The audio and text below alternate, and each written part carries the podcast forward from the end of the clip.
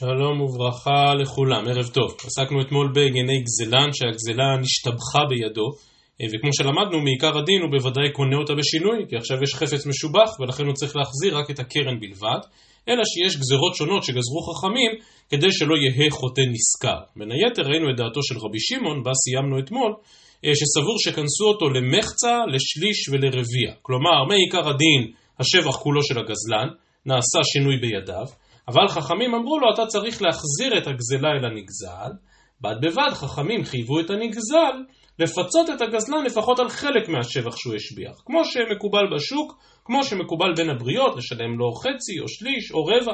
עכשיו אין ספק שהתקנה הזאת בדעת רבי שמעון יוצרת מצב די ייחודי. כלומר מצד אחד השבח הוא של הגזלן, מעיקר הדין זה שלו, הוא קנה את זה בשינוי, אנחנו מוציאים ממנו משהו שעל פי דין שייך לו ונותנים את זה לנגזל. מצד שני אנחנו מעמידים גם את הנגזל במצב ייחודי, שמחייב אותו לא פחות ולא יותר לפצות, במרכאות, את זה שגזל ממנו. כלומר, הנגזל צריך לפצות את הגזלן? עכשיו התשובה היא כן, כי הגזלן קנה את השבח בעזרת השינוי, והוא בכל זאת מחזיר את השבח לנגזל, אז לפחות משהו שהנגזל יפצה אותו. אז כאמור, יש כאן איזושהי גזרה שבאמת נושאת אופי ייחודי, ובמידה רבה הספק שבו אנחנו פותחים הערב קשור לנקודה הזו עצמה. אז אנחנו עצרנו אתמול בגמרא בדף צדיהי עמוד ב', בשליש האחרון של העמוד. אומרת הגמרא, אמר רב אשי, כי אבינן בי רב כהנא, כאשר למדתי בבא קמא, בבית מדרשו של רב כהנא, היא באה ילן, נשאלה השאלה הבאה, לרבי שמעון, דאמר למחצה לשליש ולרביע עוד דשקל גזלן. כאמור איזשהו פיצוי שהנגזל צריך לפצות את הגזלן. הגזלן מחזיר את כל השבח, והנגזל נותן לו משהו, רבע, שליש, מחצה, כמו שמקובל בשוק. כי מסלקין עלי, כלומר את אותו מחצה, שליש ורביע, שהנגזל משלם לגזלן. כי מסלקין עלי בדמי מסלקין עלי, או דילמה מבשר השקול. אז כמו שאמרתי, אני חושב שהספק הזה בעצם קשור לשאלה עד כמה הגזלן מצליח לאחוז בגזלה ולומר מגיע לי חלק בשבח, בבשר עצמו. הרי מעיקר הדין אני קניתי את זה, קניתי את הכל בשינוי וזה שייך לי, כך טוען הגזלן. או לחילופין, שיש כאן אמנם איזשהו חיוב ממוני ש, ש, של הנגזל כלפי הגזלן, אבל אי אפשר לומר שהגזלן ממש אוחז את זה, שזה שלו, שיש לו תביעה בגוף הבשר. לכל היותר ניתן לסלק אותו בממון. כך אם כן הספק של הגמרא, וכאמור הוא קשור לאותה תקנה מיוחדת של רבי שמעון. ובכן, כך נסתפקו בבית מדרשו של רב כהנא, ופשטנה מהא דאמר רב נחמן אמר שמואל, שלושה, כלומר בשלושה מצבים, שמין להם השבח ומעלין אותן בדמים. כלומר, יש שלושה מצבים שבהם פלוני חייב לשלם לאלמוני, ראובן חייב לשלם לשמעון, ואם ראובן רוצה לתת לו כסף במקום החפץ עצמו, או כאן במקום הקרקע עצמה, כך נוהגים. ואלו הם שלושה מצבים, בכור לפשוט, בעל חוב ללוקח ובעל חוב ליתומים. בכור לפשוט, מדובר על מצב שבו אדם הלך לעולמו, יש לו שני ילדים, הבכור צריך לקבל פי שניים, אבל בינתיים, עוד לפני שהספיקו לחלק את הנכסים, עמד דווקא הפשוט, כלומר דווקא הבן הצעיר יותר, ומאוד השביח את הקרקע. אז אם נבוא עכשיו ונחלק את הקרקע בין האח הבכור לבין אחיו הצעיר, יש פה משהו קצת לא הוגן, כי הצעיר מאוד השביח את הקרקע אחרי פטירת האבא, ויבוא הבכור ויקבל בזה פי שניים. ולכן, התקנה היא שחולקים בשווה. את השבח שהשביחו הנכסים אחרי מות האבא חולקים שווה בשווה. רש"י כאן נותן דוגמה של הקרקע השביחה ב-12 זוז, עכשיו אם מחלקים כמו חלוקה של בכור, אז הבכור מתוך אותם 12 זוז של שבח, הבכור צריך לקבל 8, והבן הצעיר צריך לקבל רק 4, כי הבכור מקבל פי 2 מהצעיר. אבל הבכור צריך מתוך אותם שמונה שהוא קיבל לשלם שני זוזים לאחיו הצעיר, כדי שבסוף יתברר שהחלוקה היא באמת חלוקה שווה בשווה. שישה זוזים לו ושישה זוזים לו. אז אוקיי, אמר החלוקה של בכור לפשוט. הבכור לוקח את הקרקע, והקרקע היא כבר קרקע מושבחת, אבל השבח הזה לא מגיע לו פי שניים, ולכן הוא צריך לפצות את אחיו הצעיר. רצה לתת לו חלק מן הקרקע מצוין, רצה מעלין אותן בדמים. כלומר, יכול הבכור להגיד, אני לוקח את כל השני שליש שמגיעים לי, כאמור, בכור ופשוט חולקים שליש לפשוט ושני שליש לבכור כדי שיקבל פי שניים, אז אומר הבכור, אני לוקח את כל הקרקע ואני אפצה אותך בדמים. אותו דבר בעל חוב ללוקח. אדם, אה, ראובן מכר קרקע לשמעון, מסתבר שעל ראובן היו מוטלים כל מיני חובות, ומגיע בעל חוב של ראובן וגובה את הקרקע משמעון. אז הקרקע באמת משועבדת לו. אין לשמעון טענה. אבל אם שמעון בינתיים השביח את הקרקע, אז ראובן שבא לגבות אותה ממנו, אה, סליחה, בעל חוב של ראובן שבא לגבות אותה ממנו צריך לפצות אותו. בעל חוב ללוקח, אותו דבר בעל חוב ליתומים. כלומר, אם בעל חוב בא וגובה את החוב שיש לו מאביהם המנוח, יכול לגבות את הקרקע, אבל אם היתומים בינתיים השביחו את הקרקע, אז את השבח הזה הוא צריך להחזיר להם. ושוב, רצה לתת להם חלק מן הקרקע זה מצוין, ורצה לתת להם דמים חליפי אותה הקרקע, גם זה מצוין. ואם כן, אומר רב אשי, שבאמת פשטנו את הספק מן ההלכה הזאת של שלושה מעלין אותם בדמים, אלא שנחלקו כאן ראשונים, מהי הפשיטותא, מה לומדים מכאן. אז התוספות כאן לפנינו, דף צדיה עמוד ב' כותבים, שלושה שמין להן השבח, אף על גב דקתני שלושה, תנא ושיער גם גזלן. כלומר, התוספות מבינים שגם לעניין שאלתנו, אותו גזלן שמבקש מן הנגזל תפצה אותי למחצה לשליש ולרביע כדעת רבי שמעון, אז אפשר לשום לו את זה בדמים. לא, אין לו חלק בגוף הבהמה. הרשב"א מצטט את רבנו חננאל שחולק על התוספות, ורבנו חננאל כותב הרשב"א פירש רבנו חננאל רבנו חננאל ז"ל ואיף שתא דלי קמן דמעלין אותן בדמים אלא שלושה. כלומר רבנו חננאל מבין ההפך. התוספות מבינים שכמו שבשלושת המצבים הללו אפשר לשלם דמים, כך גם ביחס לגזלן. רבנו חננאל אומר הפוך. מזה שיש דווקא שלושה מצבים שבהם מעלים אותם בדמים, משמע שלגבי גזלן יש לו ממש חלק בגוף הבהמה. אלא שהרשב"א בעצמו מוסיף וכותב על רבנו חננאל והוא תימה. והרשב"א מסביר, כמו גם התוספות, שבוודאי יש דוגמאות נוספות שלא נזכרו בברייתא הזאת. ולכן מסתבר שגם הגזלן הוא בכלל זה שאפשר לסלק אותו בדמים. ולכן שוב, לפי רבי שמעון, באמת הנגזל צריך לפצות את הגזלן למחצה לשליש ולרביע על השבח שהגזלן הוביל אליו, אבל לא חייב לתת לו בגוף הבהמה, יכול לתת לו גם דמים. ומעניין לעניין, וכאן זה כבר לגמרי שלא באותו העניין, שואלת הגמרא על עצם הדין הזה שלוקח גובה את השבח. שוב, ראובן מכר קרקע לשמעון, בא בעל חוב של ראובן ומוציא את הקרקע משמעון, מסתבר שהייתה משועבדת. אז כאשר הגיע אותו בעל חוב והוציא את הקרקע מידיו של הלוקח, הוא מקבל את השבח או לא מקבל את השבח? אומרת הגמרא, אמר לרבינה לרב אשי, ומי אמר שמואל בעל חוב ללוקח יאיב לי שבח? כלומר, האם הבעל חוב בכלל צריך לפצות את הלוקח על השבח הזה שאתה מתלבט האם ייתן לו קרקע או דמים? והאמר שמואל בעל חוב גובה את השבח. כלומר, אם באמת במצב כזה, ראובן מכר קרקע לשמעון, ואז באים בעלי החוב של ראובן לגבות את הקרקע משמעון, הם לוקחים את הכל. הקרקע הזאת היא בעצם שלהם, היא משועבדת להם. ולכן גם יש שבח בקרקע הזאת, גם את זה הבעל חוב לוקח. אז מה בכלל שייך לדון מה צריך הבעל חוב להחזיר ללוקח? האם להחזיר לו את השבח בקרקע או בדמים? לא להחזיר לו שום דבר, הוא לוקח את הכל. אמר לה, משיב לו רב אשי, לא קשיא, כאן בשבח המגיע לכתפיים, וכאן בשבח שאין מגיע לכתפיים.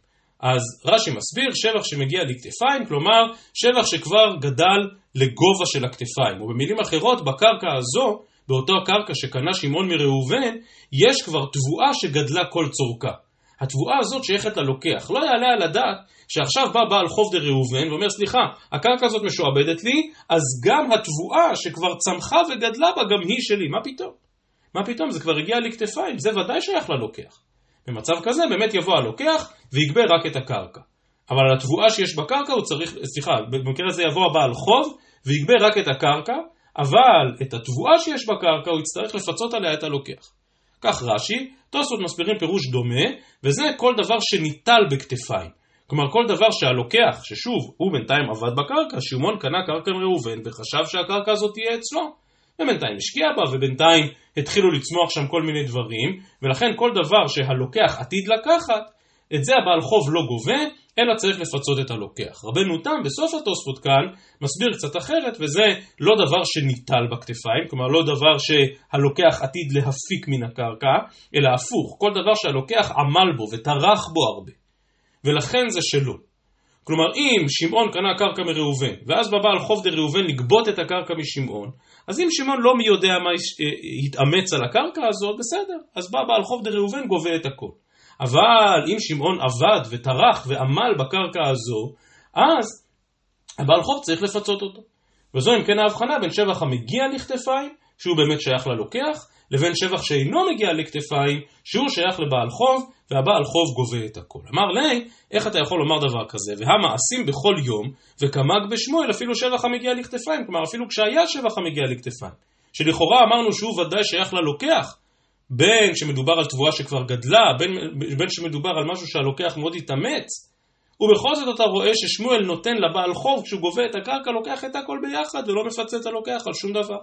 אמר לי לא קשיא, דף צדיו עמוד א', הדמסיק בי כשיעור ערא ושבחה, הדלא מסיק בי אלא כשיעור ערא. כלומר, אם ראובן חייב לאותו בעל חוב הרבה כסף, ואז בא בעל חוב ואומר, הקר... הכסף שאתה חייב לי עוד יותר משווי הקרקע. ממילא כשיבוא הבעל חוב יגבה את הכל ביחד. את הקרקע עם השבח שהשביח בעל לוקח, כי כל זה עדיין לא מכסה את החוב שלו. אבל אם באמת החוב הוא רק כנגד הקרקע, במצב כזה באמת לבעל חוב אין שום טענה לגבות את השבח שהקרקע השביחה, ולכן על זה הוא צריך לפצות את הלוקח. אמר לי, ועוד מקשה לו בדיני גביית חובות, הניחא למאן דאמר, אית לי זוזה ללוקח, לא מצה מסלק לי לבעל חוב שפיר. כלומר אותו לוקח, אותו שמעון קנה קרקע מראובן, עכשיו מגיע בעל חוב דראובן ורוצה לגבות ממנו, אומר לו הבעל חוב, אומר לו הקונה, רגע רגע רגע רגע, אני קניתי את הקרקע הזאת, אני זקוק לה. אתה טוען שראובן חייב לך כסף, אז בוא אני אפצה אותך בדמים. אז אם נאמר שאיץ זיזוד הלוקח לא מצי מסלק לי לבעל חוב, אומר לו הבעל חוב, סליחה, הקרקע הזאת משועבדת לי, אני רוצה לקחת אותה. אתה טוען שקנית אותה, זאת בעיה שלך, כי אתה קנית קרקע משועבדת. ולכן אם באמת נאמר במילים אחרות שבעל חוב ידו על העליונה, שהקרקע הזאת היא יותר של הבעל חוב מאשר של הלוקח, אז באמת מובן, שפיר. אלא למאן דאמר, שאם באמת איתלי זוזה ללוקח, מצי מסלק לי לבעל חוב? כלומר שיכול היה הלוקח להגיד, תקשיב, לך יש חוב על ראובן, אתה רוצה עכשיו לגבות ממני את הקרקע, אני לא נותן לך לקחת אותה, אני אתן לך כסף במקום החוב הזה. כלומר שידו של הלוקח על העליונה. אז אם ככה, לי מלא, כלומר אומר הלוקח לבעל חוב, יהבו לי זוזי, אילו, לי, אילו היה לי כסף, אבל מסלק נלך מכולי ערא. כלומר בעצם הייתי אומר שאין לך שום בעלות על הקרקע, אין לך שום זיקה על הקרקע, הייתי נותן לך כסף במקום. אז השתא שאין לי כסף לסלק אותך, ולכן אתה כן גובה את הקרקע, אבל לפחות הב לי גרבא דערא שיעור שבחי, כלומר לפחות את מה שהשבחתי בקרקע, תן לי איזושהי חלקת אדמה. סוף כל סוף עבדתי קשה על הקרקע הזאת, ואילו היה לי כסף, אז הקרקע אפילו הייתה נשארת אצלי, כי אני יותר בעלים ממך. אמר לי, יחא במאי עסקינן, כגון דשביה ניהלי אפותקי. דאמר לי, לא יהא לך פירעון, אלא מזו. כלומר, אם הקרקע הזו היא ממש אפותקי, אז ברור שאין דיון בין הלוקח שקנה מראובן לבין הבעל חוב דראובן. אם הקרקע הזאת היא אפותקי, שראובן מראש אמר לו, אמר לבעל חוב, אתה תגבה מכאן, ברור שיד בעל חוב על העליון.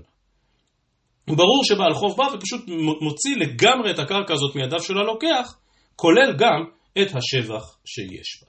אז כמו שאמרתי מקודם, מעניין לעניין לגמרי שלא באותו עניין, הלכות גביית חוב עוד ארוכות, מורכבות, התוספות כאן דף צדיו עמוד א' מעריכים עד למאוד, אבל זה ממש לא עיקר הדיון שלנו כאן, ועל כן נתקדם. ממשיכה הגמרא ואומרת דף צדיו עמוד א'. אמר רב, גזל והשביח ומכר, וגזל והשאו, או כלומר או גזל והשביח והוריש. כלומר הגזלן באמת יש פה שבח במה שהוא גזל, ועכשיו הוא גם מכר את זה למישהו אחר, או הוריש את זה לאחד מיורשיו. אומר רבא מה שהשביח מכר, מה שהשביח הוריש. ורש"י כאן מציע שני פירושים. הפירוש הראשון, שזה לפי הדעה שהלוקח כן קונה את כל השבח. כלומר בדיוק כמו שהגזלן קונה את כל השבח, ולא צריך להחזיר. בין שזה מפני תקנת השבים, בין שזה מצד ששינוי קונה. כלומר השבח כולו שייך לגזלן, ולכן בא רבא ואומר, כמו שכל השבח שייך לגזלן, ככה אם הגזלן מכר את הבהמה למישהו אחר, אז הלוקח קונה את כל השבח. זה פירוש אחד ברש"י. פירוש השני ברש"י, שחוזרים לדעתו של רבי שמעון שדיברנו בה מקודם, רבי שמעון אומר שהנגזל צריך לפצות את הגזלן למחצה בשליש ולרביע. כלומר כל השבח הולך אל הנגזל, אבל הוא בכל זאת ישלם לגזלן כמו שמקובל בשוק. ואז מה שרבא טוען, שאותו דבר גם ללוקח. כלומר יבוא הגז... הנגזל ויוציא מן הלוקח, אבל הוא בכל זאת ייתן ללוקח מחצה שליש ורביע, או ייתן ליורש למחצה לשליש ולרביע. אז שוב שני פירושים, או שנסביר שבעצם השבח כולו נשאר אצל הלוקח, או השבח כולו נשאר אצל היורש, שזה לפי הדעה שלא צריך בכלל להחזיר שבח, או שנאמר שבאמת השבח חוזר אל הנגזל, אבל הנגזל יצטרך לפצות את הלוקח או את היורש למחצה, לשליש ולרביע, זה מה שרבא רוצה לחדש. גם כאן בהבנת ההלכה הזו של רבא, יש אריכות דברים בראב"ד על הרמב"ם בפרק ב' הלכה ד' מהלכות גזלה, סביב הנושא שהזכרתי אתמול בסוף דבריי, לגבי השאלה אם כל הדיונים האלה שאנחנו דנים בהם על השבח, האם מדובר על קודם ייאוש או אחרי ייאוש. גם כאן, בהבנה של החידוש של רבא, הדבר קשור לשאלה האם אותה מכירה או אותה הורשה הייתה קודם ייאוש או אחרי ייאוש, דהיינו שם בדברי הרמב"ם והרייבד. ממשיכה הגמרא ואומרת, באי רבא, השביח לוקח מה? כלומר, מה קורה אם הגזלן מכר את זה ללוקח עוד לפני השבח, ובאמת הלוקח עצמו הוא זה שהשביח. בתר דבעיה הדר פשטה, מה מכר ראשון ושני? כל זכות שתבוא לידו. ולכן, אם באמת, בואו נלך לפי הפירוש הראשון ברש"י, אם באמת הגזלן לא היה צריך להחזיר את השבח, והשבח נשאר אצל הגזלן, כך גם הלוקח שומר את השבח אצלו. כי כל זכות שהייתה לראשון, לגזלן, בעצם קיימת גם אצל מי שלקח ממנו. אז רבא שואל שאלה יותר מפותלת, אז באי רבא, השביח עובד כוכבים, מה? כלומר, מה קורה אם הגזלן מכר לעובד כוכבים? אמר לרווח מדיפתי לרבינה, תקנת לעובד כוכבים ניקו ונאבו? במצב כזה ברור שהעובד כוכבים צריך להחזיר את הכל.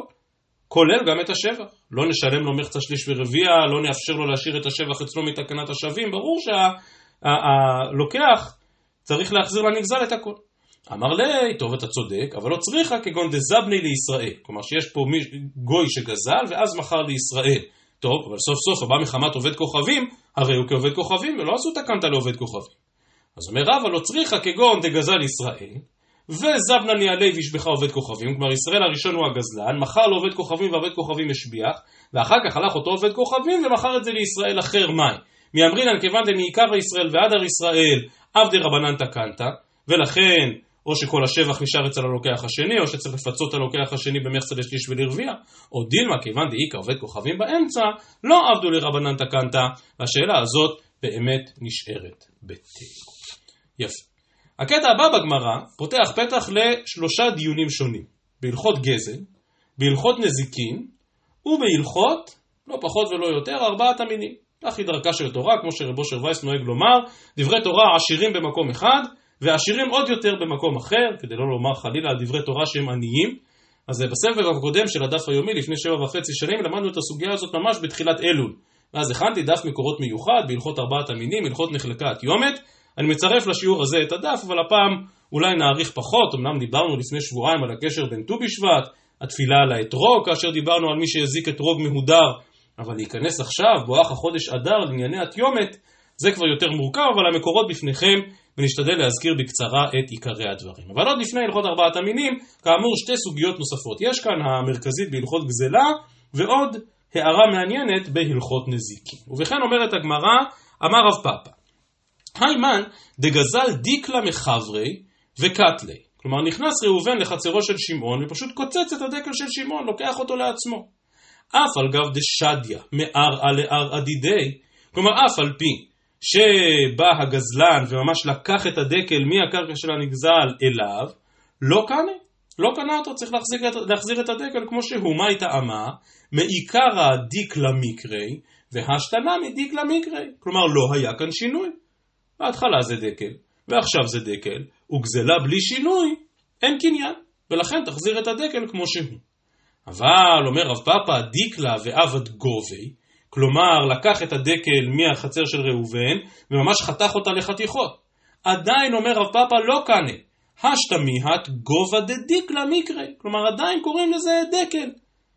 דקל כזה, דקל אחר, דקל חתוך גדול, דקל חתוך קטן, אבל זה דקל, אין כאן שינוי. לעומת זאת, גובי ועבדינו קישורי, כלומר אם באמת לקח את אותו דקל וממש הכין ממנו קורות, מסוטטות, משויפות, אה, כאן הגזלן כבר קנה בשינוי. וצריך להחזיר רק את דמיו. ועוד אומר רב פאפא, כשורי רב רבי ועבדינו כשורי זוטרי, כלומר אם הוא גנב קורות גדולות ועשה אותן קורות קטנות, לא קנה. כי עוד פעם, אין כאן שינוי, זה קורות וזה קורות. לעומת זאת, אם עבדינו קצוצייתה, כלומר אם ממש הפך אותם להיות נסורת או חתיכות עץ מאוד דקות, במצב כזה כבר כן יש שינוי, ואכן קנה. אז אם כן רב פאפא נותן כאן סדרה של הלכות, שבעצם חוזרות לנושא שמעסיק אותנו בפרק, וזה הנושא של שינוי. מה נחשב שינוי, ומה לא נחשב שינוי לעניין קניינו של הגזלן. אז כשהתחלנו את הפרק הזכרתי את זה, שבעצם מתחילת הפרק אנחנו מדברים על שינוי מעשה, עצים והסען כלים, צמר והסען בגדים. אבל כאמור, כמו שהזכרנו בתחילת הפרק, יחד עם השינוי הזה מסתתר גם שינוי נוסף, ונראה שרב פאפה מדגיש דווקא אותו, וזה שינוי השם. עד עכשיו זה היה איזשהו חומר גלם, ועכשיו יש לו שם חדש. ומהדברים של רב פאפה משמע שזו הנקודה המרכזית. כי רב פאפה פעם אחר פעם אומר מקרי, איך קוראים לזה? מה השם של זה? כלומר, יכול להיות שבאמת יש הבדל בין אה, דקל ממש, עץ דקל שלם, לבין עץ דקל חתוך לחתיכות, דיקלה ועביד גובי. ובכל זאת רב פאפה אומר שזה לא שינוי, למה? בגלל שדיקלה מקרי, בגלל שזה השם שלו. כלומר, משמע שלפעמים יותר קשה לשנות את השם מאשר לשנות את החפצה. אז אם אתם זוכרים, כשהתחלנו את הפרק, הזכרתי את דבריו של הגריז בקטע הראשון בהלכות גזלה ואבדה, והגריז מסביר שחקירת רב חיים היסודית, האם שינוי קונה, או ששינוי רק מפקיע את חובת ההשבה, קשורה לנקודה הזו עצמה. כלומר, שינוי מעשה באמת מפקיע את חובת ההשבה, כי זה לא אותו חפץ, אבל עדיין אין כאן קניין, ולעומת זאת שינוי השם, הוא יוצר קניין של ממש. מעין הביטוי שנראה מיד בגמרא בדף צדיו עמוד ב', שפנים חדשות באו לך. כלומר שבאמת יש כאן, דווקא על ידי שינוי השם, נוצר כאן משהו חדש לגמרי, והדבר החדש הזה אכן קנוי לחלוטין לגזלן. אז כאמור, חשוב לשים לב שרב פאפה לכאורה מדבר בסוגיה של שינוי, אבל מדגיש יותר את שינוי השם מאשר את העניין של שינוי מעשה. כמו שאמרתי מקודם, סוגיה כאן היא סוגיה בהלכות גזלה, אבל מסתתרת כאן גם שאלה בהלכות נזיקין, והיא, רגע, לא הבנתי, הרי מי שנכנס לקרקע של חברו, והיה שם דקל, והוא עקר אותו, או קצץ אותו, לכאורה אפשר לחייב אותו מדין מזיק. בואו נשים רגע את הלכות גזלה בצד, הוא מזיק, הוא קלקל משהו של חבר שלו.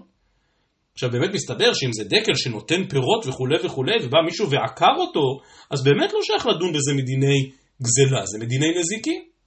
ובאמת האחרונים מפלפלים בשאלה האם המזיק, כמו הגזלן, קונה בשינוי מעשה.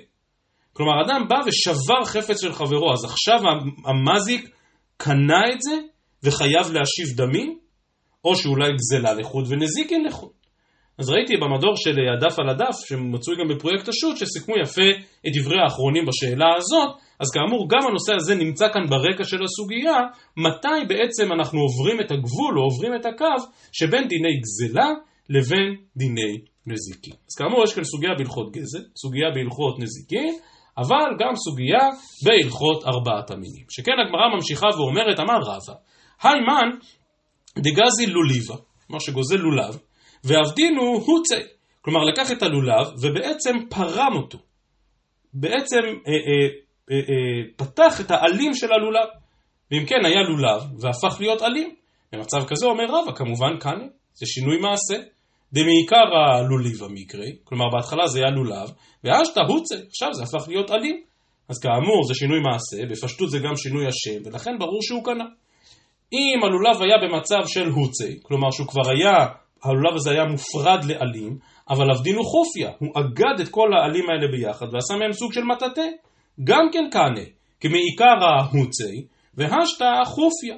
לעומת זאת, אם הוא לקח חופיה, כלומר האם אה, זה כבר היה במצב צבירה כזה של מטאטא, של עלים מופרדים, ורק עבדי שרשורה, כלומר התרגום המילולי של שרשורה זה חבל, אבל התרגום המילולי שלנו זה עשה מהם קוי שקלח, לקח את, ה, אה, את, את עלי הדקל הללו, את עלי הלולב הללו, ועשה מהם קוי שקלח. במצב כזה אומר רבא לא קני, מה הייתה אמה דהדר סתר לי והווי חופיה, או מה שכבר ראינו כמה פעמים, שינוי החוזר לבריאתו. אתה יכול להתיר את הקוי שקלח ותחזור ויהיו לך עלים של לולב. ולכן הדבר הזה לא נחשב שינוי. טוב, עד כאן לא דיברנו בהלכות ארבעת המינים, הדבר הזה נכון בכל ימות השנה, שלוקח לולב ועושים ממנו מטאטא, אז ברור שהדבר הזה מוגדר כשינוי. אלא שהגמרא שואלת, באי רב פאפא, נחלקה התיומת מהו? כלומר, ראובן גזל לולב משמעון, ועכשיו נחלקה התיומת של הלולב. האם זה שינוי או לא שינוי? תשמע, דאמר רבי מתון אמר רבי יהושע בן לוי, בסוגיה במסכת סוכה, נתלה התיומת פסול. כלומר, אם, נחלק, אם נתלה התיומת, אם נחתך ראשו של הלולב, אז הלולב פסול. מה אליו, אומרת הגמרא דף צדיו עמוד ב', הוא הדין גם נחלקה? ואם ככה, לולב שנחלקה בו התיומת באמת נפסל לארבעת המינים, ולכן גם זה נחשב שינוי. לא, דוחה הגמרא ואומרת, מה פתאום? אדרבה, נתלה שני דהה חסר לי. כלומר, אם נתלה התיומת, אז הלולב חסר ולכן הוא פסול. אבל אם רק נחלקה התיומת, הלולב כשר. ולכן בדיני נזיקין או בדיני גזלה זה יהיה חסר משמעות. אבל איכא דאמרי, וככה אנחנו פוסקים, תשמע, דאמר רבי מתון, אמר רבי יהושע בן לוי, נחלקה התיומת, נעשה כמי שנתלה הוא פסול, שמע מינה. כלומר, שלא רק אם נתלה התיומת הלולב פסול, אלא גם אם נחלקה התיומת הלולב פסול. ואז, היות שהלולב פסול, ממילא הגזלן קנה אותו בשינוי. כך פשט הגמרא. אז כאמור מצורף לשיעור הזה דף מקורות שלם שעוסק בענייני נחלקה התיומת, ויש הרבה לדון אה, בהגדרות המציאותיות, מהי בעצם התיומת, זו מחלוקת גדולה בין הראשונים, מהי התיומת של הלולב, האם התיומת זה רק החלק האמצעי, רק העלה האמצעי של הלולב, כדעתם של הגאונים, כמנהג אשכנז, או כדעת הרמב"ם והריף, שבעצם כל זוג עלים של הלולב נחשב תיומת, השאלה מה זה נחלקה התיומת, כמה היא נחלקה, ומה זה רוב התיומת, האם רוב התיומות שבלולב, או רק בתיומת אחת, ומה זה הרוב. כאמור, אלה הלכות בהלכות ארבעת המינים, ולא נאריך בהן כאן. התוספות אומרים שאם באמת התיומת זה דווקא עליה האמצעי, ונבין שנחלקה זה אפילו בכלשהו, אז בלשונם של התוספות לא יימצא לנו לולב כשר כי אם בטורח, ולא תמצא אחד כזה אפילו אחד בחמש מאות. כי באמת, מי שרוצה לולב סגור לחלוטין, עם תיומת סגורה לחלוטין וכולי וכולי, היום בשווקים זה כבר לא יהיה אחד מחמש מאות, אפשר למצוא, אבל לא תמיד פשוט. אז כאמור, אלה ההלכות בהלכות ארבעת המינים ולא ניכנס אליהן עכשיו בכלל בכלל. מה שכן קשור כדי להבין את הסוגיה שלנו, והוא שאלה מובהקת בהלכות ארבעת המינים, אבל הוא ממש פשט הגמרא אצלנו, זה להבין מה אופי הפסול. למה אם נחלקה התיומת הרי הוא פסול? הר"ן במסכת סוכה, שם בפרק לולב הגזול, מבין שאם נחלקה התיומת אז הפסול הוא פסול חסר. התוספות אצלנו, לפחות לגבי נתלת יומת, וככה גם רש"י בסוכה, מבינים שהפסול הוא פסול של הדר. וכמובן, הנפקמינה הגדולה, האם הלולב הזה פסול מדין הדר, או שהלולב הזה פסול מדין חסר, כמובן הנפקמינה תהיה, האם לולב שנחלקה בו התיומת, כשר לברכה בשאר ימות החג. שכן פסול חסר נוהג רק ביום הראשון, בעוד שפסול הדר נוהג כל שבעת ימי החג. ולכן יש כאן נפקמינה גדולה בין הראשונים, המשנה ברורה בסימן תרמ"ה באמת פוסק להלכה שאם נחלקה התיומת פסול רק ביום ראשון, כשר בשאר הימים. משמע שהוא, שהוא מכריע להלכה שהפסול מבוסס על חיסרון ולא על הדר. הבאתי כאן בדף את דברי המגן אברהם שבכלל מבין שהפסול הוא פסול אחר, הוא פסול של לקיחת המה. אלא שהתוספות אצלנו בסוגיה, כאשר התוספות אומרים שלא נמצא אפילו אחד מחמש מאות כשרים, מעלים גם אפשרות אחרת. אומרים התוספות כאן אצלנו, ויש לומר שאף לדבריהם אין פסול אלא שהיה מתחילה כעניין זה ונחלק, שנשתנה מבריאתו. מה אומרים תוספות, בעצם פסול נחלקה התיומת זה לא הדר, וזה גם לא חסר, אלא פסול נחלקה התיומת הוא משום שהלולב הזה נשתנה מבריאתו. ולמה האמירה הזאת של התוספות כל כך משמעותית? משום, וזה מה שאמרתי, זה לב הדיון בסוגיה שלנו, זה כבר לא הלכות ארבעת המינים. משום שהגמרא שלנו לכאורה מחדשת חידוש גדול. הגמרא אומרת, אתה מתלבט האם הגזלן קנה או לא קנה את הלולב, תפתח סימן תרמ"ה. תפתח הלכות ארבעת המינים באור החי. ואז תחליט האם הוא קנה או לא. האומנה? האומנה? אז רש"י כאן בדף צדיו אומר שכן. כותב רש"י, וכיוון דלעניין פסול, כלומר כיוון דעניין אור החיים, מפסלה לעניין מקננה משינוי ובכהני. מה אומר רש"י? הנה חינמי, זה פשט הגמרא, כמו שהסברנו מקודם. שמה שנכריע באור החיים, מה שנקבע האם הלולב הזה כשר או לא כשר, ממילא הנפקא מינה תהיה בדיני גזלן. שאם באמת הלולב הזה נפסל לברכה, מסיבה כזאת או אחרת, אז היה כאן שינוי, כי הלולב היה כשר לברכה, ועכשיו הוא פסול לברכה, אז הגזלן קנה בשינוי. כך מסביר רש"י. כדי למתן קצת את החידוש הזה, ושוב, הקושייה הגדולה לפירוש של רש"י זה הגמרא הזאת נכונה לא רק בשבעת ימי החג, הגמרא הזאת נכונה גם בכ"ז בשבט. ואז באמת, מה אכפת לי אם נחלקה או לא נחלקה התיומת של הלולב? ולכן בפסקי אריאז כאן בסוגיה שלנו אומר שכל הגמרא מדברת רק על גזל לולב של מצווה. ברור, מדובר על מי שגזל לולב לחברו בחג הסוכות, את הלולב של המצווה. ואז אם נחלקה התיומת והלולב פסול, ממילא הגזלן קנה בשינוי. כך מסביר אריאז. אז כאמור, רש"י ואריאז מתמודדים עם שאלה מתבקשת, מה הקשר בין האור החיים לבין החושן משפט? מה הקשר בין השאלה אם הלולב כשר או פסול לשאלה האם הגזלן קנה או לא, אבל בעצם גם רש"י וגם אריאל אומרים שהיא חינם, שזה קשור וקשור. שמה שנקבע באור החיים שהלולב פסול, ממילא זה נחשב שהגזלן קנה אותו. אבל, אם נלך עם הפרשנות הזאת של התוספות, שבעצם הפסול שנחלקה התיומית הוא משום נשתנה מבריאתו, אז הקשר בין התחומים מובן הרבה יותר. והבאתי כאן בדף שורה אחת מדבריו של רב אלחונון בקובץ שיעורים כאן בסוגיה שלנו. רב אלחונון בלשונו החדה מסביר, על כוכך צריך לפרש, דאין השינוי מפני הפסול, אלא להפך, דהפסול הוא מפני שנשתנה מבריאתו, ואילו לא היה שינוי בכך לא היה נפסל. אומר רב אלחונן, אנחנו לא לומדים מסכת סוכה, אנחנו לומדים בבא קמא. וכל מה שראינו לאורך הסוגיה, זה שבאמת צריך להיות שינוי משמעותי. אלא מאי? שאם באמת נחלקה התיומת, אז הוא נשתנה מבריאתו, אז ככה לא נראה לולב. אז שוב, אותו ביטוי שנראה מיד בגמרא, אז פנים חדשות באו לכאן, ולכן הגזלן קנה. ומהחושן משפט אנחנו חוזרים לאור החיים. כלומר, היות שבדיני חושן משפט, היות שבדיני גזלה, לולב שנחלקה התיומת, בעצם אתה מבין שהוא נשתנה מבריאתו, בעצם אתה מבין שפנים חדשות באו לכאן, אז ממילא, כאשר אתה שואל האם לולב שנחלקה התיומת כשר או פסול לברכה בסוכות, אז התשובה היא שפסול, כי הוא נשתנה מבריאתו. וזאת הברקה נפלאה של הקובץ שיעורים בהבנת הסוגיה לאור המהלך הזה של התוספות. אז יש עוד מקורות נוספים בענייני נחלקת יומת כאן בפניכם בדפים, מי שרוצה מוזמן לעיין יותר.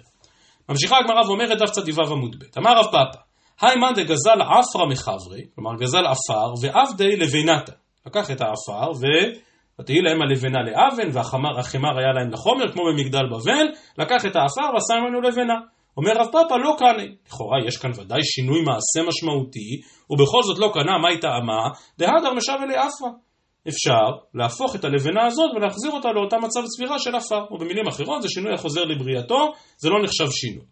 ועוד אומר רב פאפא, או לעומת זאת אומר רב פאפא, אם הוא לקח לבנתה, כלומר אם הוא גזל לבנה ועבדי עפרא, והפך אותה להיות עפר, במצב כזה כאן, כלומר כאן כן מדובר על שינוי. מה אמרת?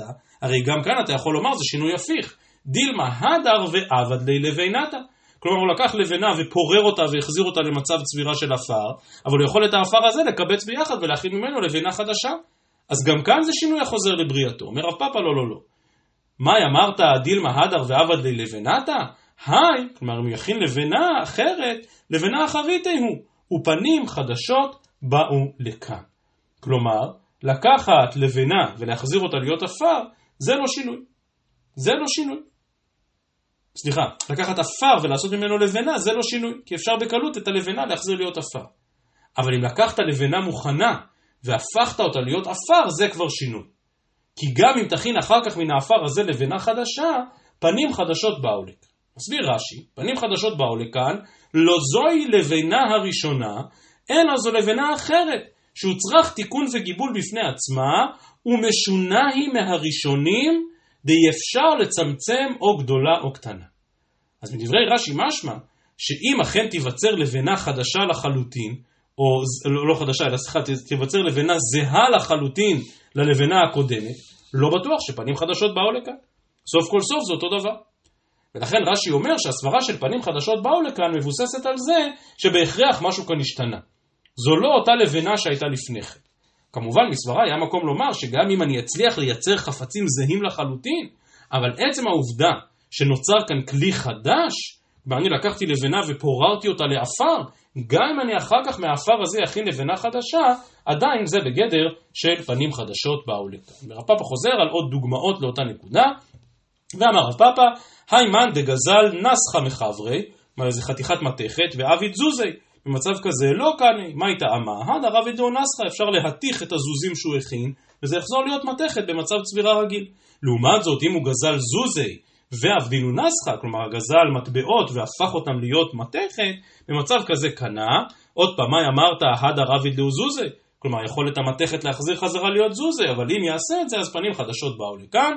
ודוגמה שלישית לאותו דבר, שכימי ועבדינו חדתי, כלומר לקח מטבעות ישנים שהם שחוקים ושחורים ושייף אותם ושפשף אותם ועשה מהם מטבעות חדשים, עוד פעם לא קנה, כי גם המטבעות החדשים יתבלו ויחזרו להיות שכימי. לעומת זאת, אם הוא לקח מטבעות חדשים ועשה אותם שכימי, זה כבר שינוי והוא כן קנה, מאי אמרת הדה רביד לאוחדתה, יכול לתקן אותם ולשייף אותם, אבל עדיין מי ידיע שכמי. כלומר, סוף כל סוף, גם אם אחר כך ישפשף אותם, עדיין זה לא יהיה לגמרי אותנטי, זה לא יהיה לגמרי כמו המקורי, ולכן הדבר הזה אכן נחשב שינוי. סיימה משנתנו ואמרה, זה הכלל, כל הגזלנים משלמים כשעת הגזלה. אומרת הגמרא, זה הכלל לעיתויי מאי, לעיתוי אחד אמר רבי הילה, גנב טלה ונעשה עיל, עגל ונעשה שור, נעשה שינוי בידו וקנאו, ואז אם הוא טבח ומכר, אז שלא הוא טובח ושלא הוא מוכר. על ההלכה הזאת דיברנו בהרחבה בפרק השביעי, גנב טלה ונעשה עיל, למרות שזה שינוי שנעשה מאליו, למרות שבמהות אפשר לדון האם טלה ועיל הם בעצם אותו דבר, בכל זאת ודאי שיש כאן שינוי השם, אולי אפילו שינוי מעשה, ולכן הגנב קנה אותם, כמובן, אם הגנב כבר קנה את החפץ, אז לא שייכים דיני טביחה ומכירה, משום ששלו הוא טובח ושלו הוא מוכר, כמו שלמדנו בפרק השביעי. הוא מסיים את הגמרא בעוד סיפור אחד, ההוא גברא, דגזל פדנא דתורא מחברי, כלומר גזל צמד שברים, צמד שברים, כאשר השבר, השברים נמצאים בתוך הצמד, ערוכים ומוכנים לעבודה, ובאמת הלך אותו אדם וגוזל את אותו צמד שברים, כי הוא רוצה להשתמש בהם. אז על קרב בהו קרבה, זרע בהו זרעה, כלומר השתמש בהם כמה ימים, וחרש וזרע. לבסוף, ההדרינו למעלה. מה הגזלן, אחרי שהוא השתמש בשברים הללו כמה ימים, מחזיר אותם לנגזל. לכאורה, לא צריך להוסיף שום דבר. הרי לא היה כאן שינוי, מעיקר הצמד שברים והשת צמד שברים, פשוט להשיב את הגזלה אשר גזל. עדה לקמא דרב נחמן, אמר להו זילו שומו שבחה דאשבח. כלומר צריך אותו גזלן לשלם לנגזל את מה שהשברים הללו השביחו את הקרקע שלו על החרישה והזריעה. רבא שומע את הפסק דין הזה של רב נחמן ומשתומם, אמר לי רבא, תורי אשבח, ערה לא אשבח? כלומר כל השבח הזה הוא רק בזכות השברים? ומה עם הקרקע? כלומר בסוף זו הקרקע שלי, אני עבדתי בקרקע שלי, אז כל השבח הזה מגיע לבעל השברים? אומר לו רב נחמן, לא הבנת, אמר מי כאמינא נישאי מקולי? לא התכוונתי את כל השבח לתת, פלגה כאמינא. כלומר, איך עכשיו הקרקע היא חרושה? 50% בזכות בעל הקרקע, 50% בזכות בעל השברים. ואת זה צריך הגזלן לשלם לבעל השברים. אבל עדיין לא נחה דעתו של רבא, אמר לי, סוף סוף גזלהו וכהדרא בעינן, ולא מבין את הפסק, דתנן, כל הגזלנים משלמים קישת הגזלה. כמו סוף כל סוף, מה פתאום הגזלן יצטרך לפצות במשהו את הנגזל? הרי כאן באמת לא היה שינוי, וכל מה שהוא צריך לשלם זה קישת הגזלה. לקח צמד שברים, הוא מחזיר צמד שברים. רב נחמן משיב לרבא ומסביר, אמר לי, לא אמינא לך, כי יתיבנה בדינא לא תימא לימידי. לא אמרתי לך שכאשר אני יושב בדין אל תקשה עליי קושיות. דאמר הונה חברין עליי, כלומר רב הונה בעצמו אומר על רב נחמן, אנא ושבור מלכה אחי בדינה. ויש כאן מחלוקת ראשונים, מה זה שבור מלכה? האם שבור מלכה זה שם נרדף לשמואל, שהיה דיין דגול, כהלכה כשמואל בדינה בכל מקום, או ששבור מלכה, הכוונה שבור מלכה כפשוטו. כלומר, הממונה מטעם הרשויות. אבל אומר רב נחמן, לי יש סמכות כמו לדיין מטעם הרשויות, או יש לי סמכות כמו לשמואל. ולכן מה שפסקתי הוא, היי איניש גזלנה עתיקה הוא, ובאינא דאיקנסי. כלומר, אומר רב נחמן לרבה, ברור שאתה צודק. ברור שמעיקר דיני גזלה, והשיב את הגזלה אשר גזל, גזל צמד שברים, יחזיר צמד שברים. אבל לי, אומר רב נחמן, יש סמכות כמו לשמואל, או ממש כמו ריש גלותא עצמו, יש לי סמכות לגזור גזרות ולתקן תקנות. והעצמאות הזאת של רב נחמן מאפשרת גם לדורות לקנוס בנושא הזה, ובאמת כך פוסק הרמב"ם פרק ג' מהלכות גזלה, הגוזל בהמה ונשא עליה מסע, או רכב עליה, או חרש בה, או דש בה וכיוצא בזה והחזירה לבעליה, אף על פי שעבר בלא תעשה, כי כמובן עבר איסור גזלה, אינו חייב לשלם כלום, שהרי לא הפסידה ולא הכחישה. אבל אומר הרמב"ם, ואם מוחזק אדם זה לגזול או לעשוק או לעשות מעשים אלו פעם אחר פעם, קונסין אותו ואפילו מחוץ לארץ. אז הסמל, השולחן ערוך בחושן משפט בסימן שס"ג אומר שדווקא בית דין חשוב, אותו והעיר וכולי וכולי, וכידוע לאורך הדורות קצת נרתעו מן הדבר הזה של לקנוס כל מיני קנסות, אבל בכל זאת, העובדה שרב נחמן ככה נהג, והרמב"ם מביא את זה כמנהג, בהחלט מאפשרת במצבים כאלה לא לומר לגזלן, טוב, אתה רק צריך להשיב את הגזלה ותו לא, אלא אפשר לעשות דין בעושי רשעה, להעמיד הדת על תילה, ולקנוס אותו, לפצות את הנגזל, גם מעבר לשורת הדין כאמור, כדי לתקן עולם, כדי לוודא שאנשים לא יחזרו לעשות מעשים שכאלה ערב טוב לכולם.